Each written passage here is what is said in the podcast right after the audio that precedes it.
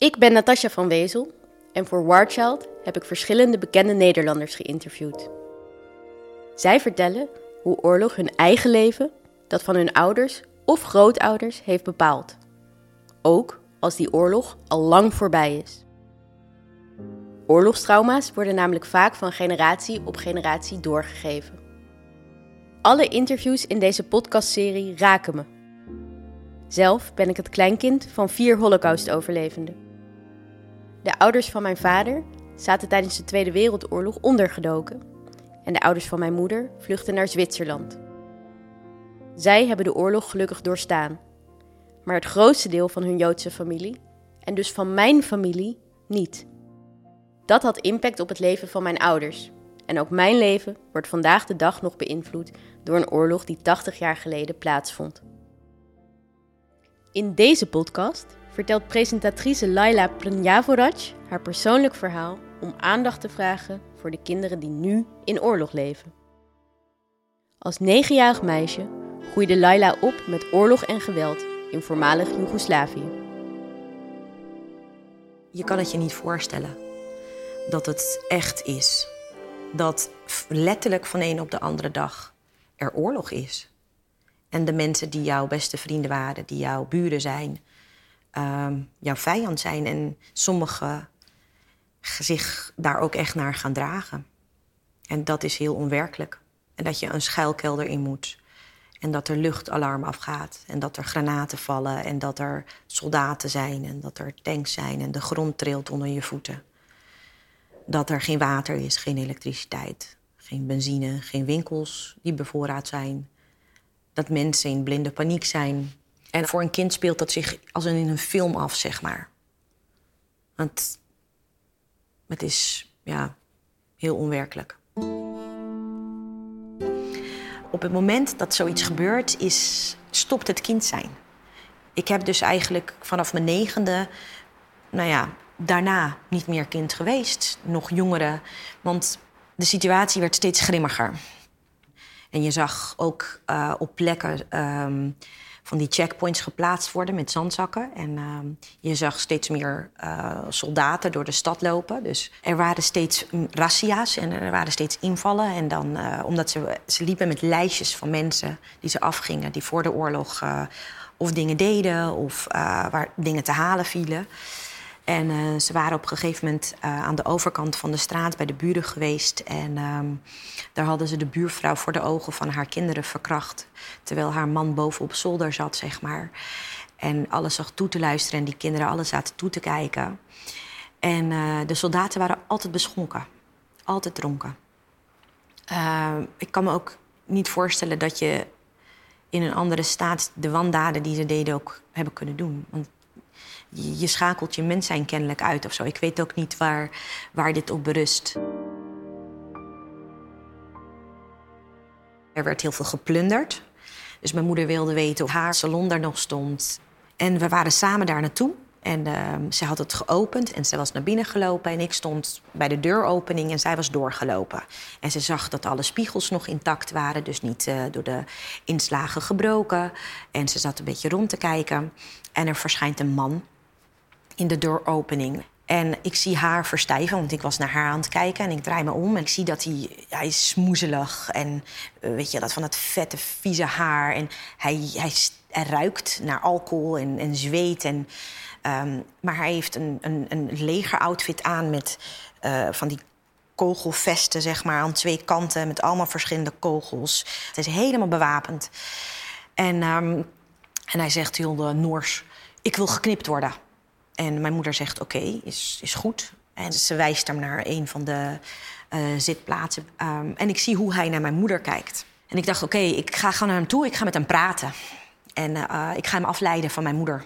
Dat deed ik omdat hij mijn moeder niet zou verkrachten. Want ik zag hoe lonkend hij naar haar keek. Ik wist hoeveel buurvrouwen van mij al verkracht waren. Dat was de grootste oorlogswapen tegen vrouwen. Dus ik begon hem te vragen en hij, over zijn kogels. En dan ging hij ze allemaal uithalen en op grote neerzetten op het tafeltje. En mijn moeder zei niets. Die, die verdween op de achtergrond, zeg maar. Die knipte zijn haren en die heeft geen woord gezegd. Hij heeft haar ook niet meer aangekeken. Was helemaal op mij gefixeerd. En ehm, toen was ze klaar en ze deed een stap naar achter. En ehm, hij keek tevreden over hoe die eruit zag, zeg maar. En toen ehm, zei ik tegen hem kom, laten we naar buiten gaan. Want ik ben heel benieuwd hoe je die geweren moet vasthouden... en hoe je uh, die pistolen moet vasthouden. Kun je net mij buiten demonstreren of uitleggen? Dus hij nam mij mee naar buiten en uh, ik hem.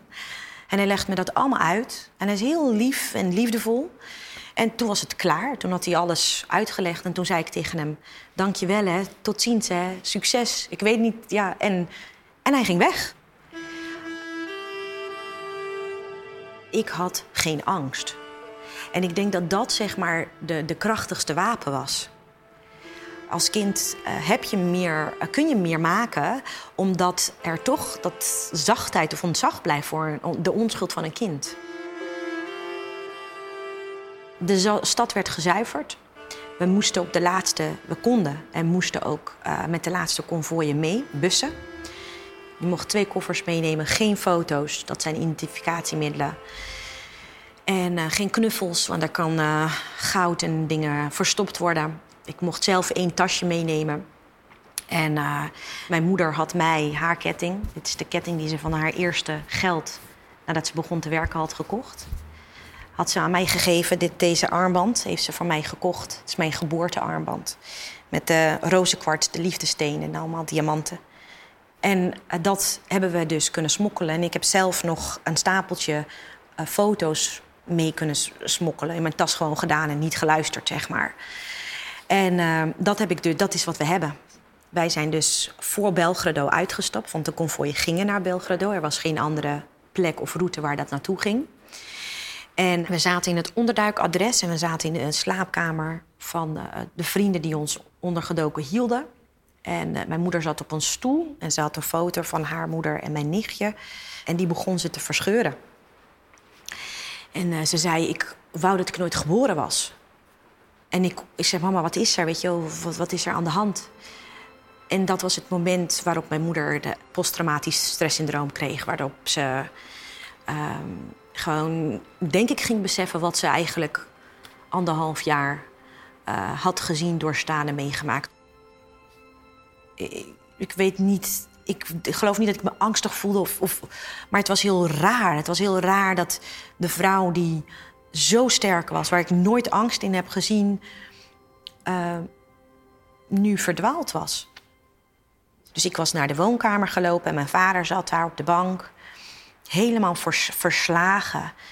Gewoon zo'n doodse blik in zijn ogen voor zich uit te staren.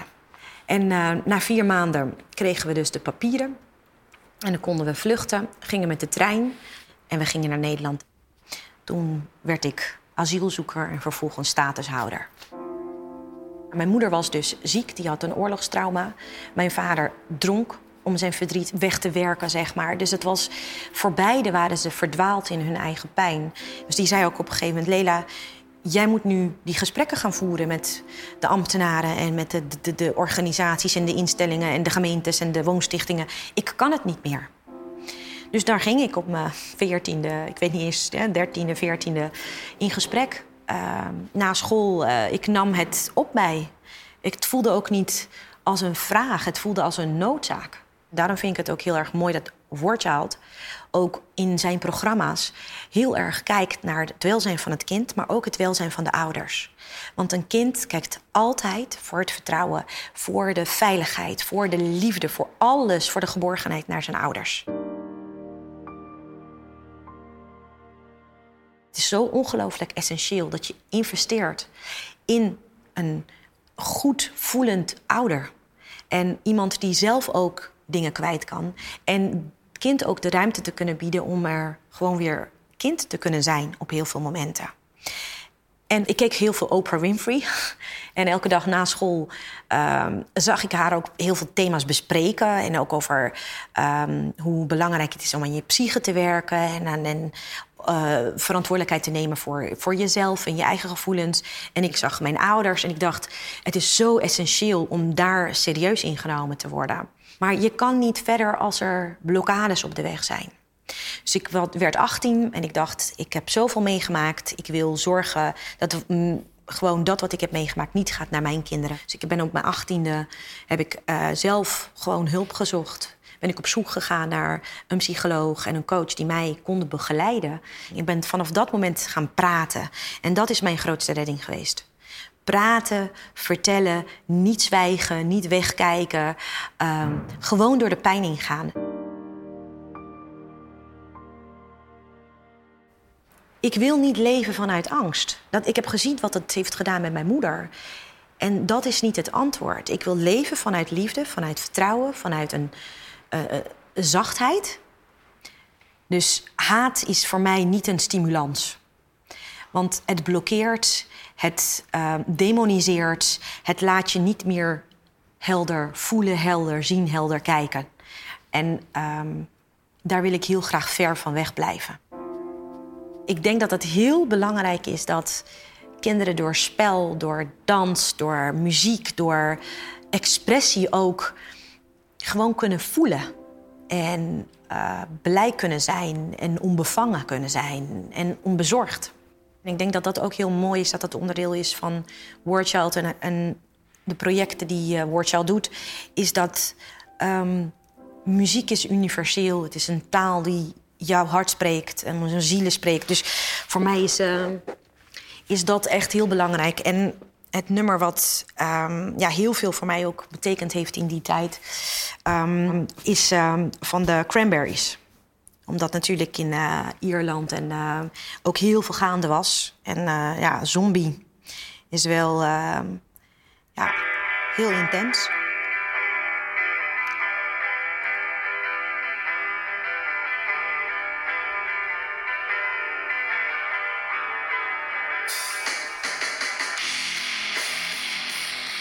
En ik was helemaal niet van de rock of zo. Maar dit waren wel momenten waarop ik dat stuk, zeg maar, van mij, die die boosheid voelde of de pijn of, of de onmacht, zeg maar, van zo'n situatie, dat je dan hierin kwijt kon. En ik had een aantal buurjongens en vriendinnen die dol waren op rock en dan gingen ze helemaal los.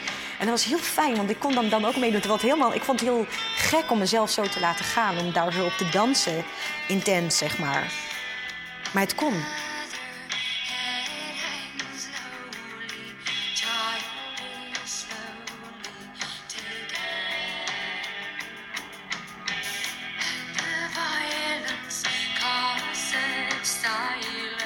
Violence causes silence, zie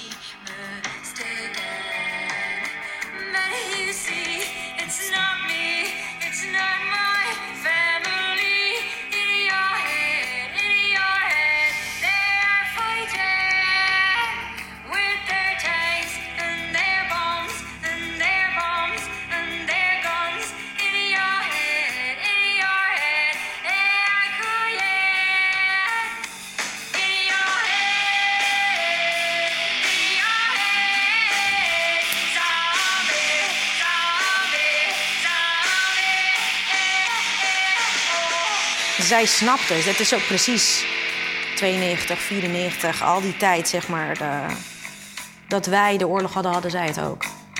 En het voelde zo dat, dat je weet dat er mensen op de wereld zijn die weten en voelen wat je voelt.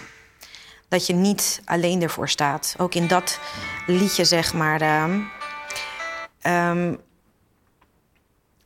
zingt ze ook over hoe belangrijk je ouders zijn, over je vader, over je moeder, over wat je ziet.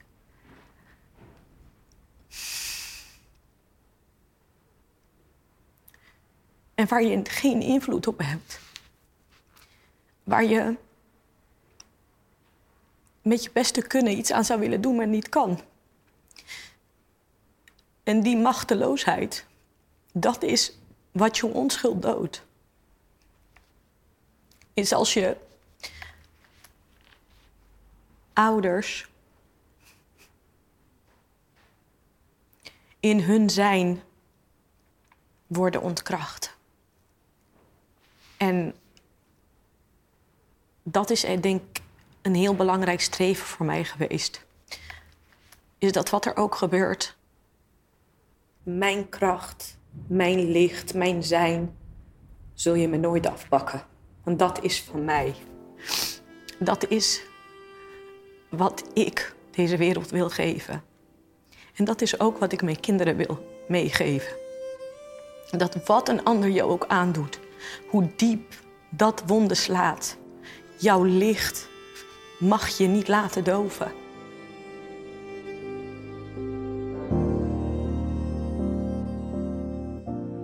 Nog steeds groeien kinderen op in oorlog. Bijna 200 miljoen wereldwijd. En ook nu maken deze kinderen vaak verschrikkelijke dingen mee. En lopen zo onzichtbare wonden op. Ze voelen zich boos, bang, kunnen anderen niet meer vertrouwen of kampen met depressies. En ook nu geven ouders de oorlog vaak door aan hun kinderen. En daarmee aan de generaties die nog komen. Er is één groot verschil. Anders dan vroeger kunnen we kinderen tegenwoordig wel helpen bij het verwerken van hun oorlogstrauma's. En dat is echt heel belangrijk. Met muziek, sport en spel helpt Warchild kinderen hun heftige verleden achter zich te laten. Hierbij helpen we ook hun ouders, zodat zij er beter voor hun kind kunnen zijn. Zo durven kinderen weer een toekomst op te bouwen en voorkomen we dat oorlog erfelijk wordt. Wil jij ook je steentje bijdragen?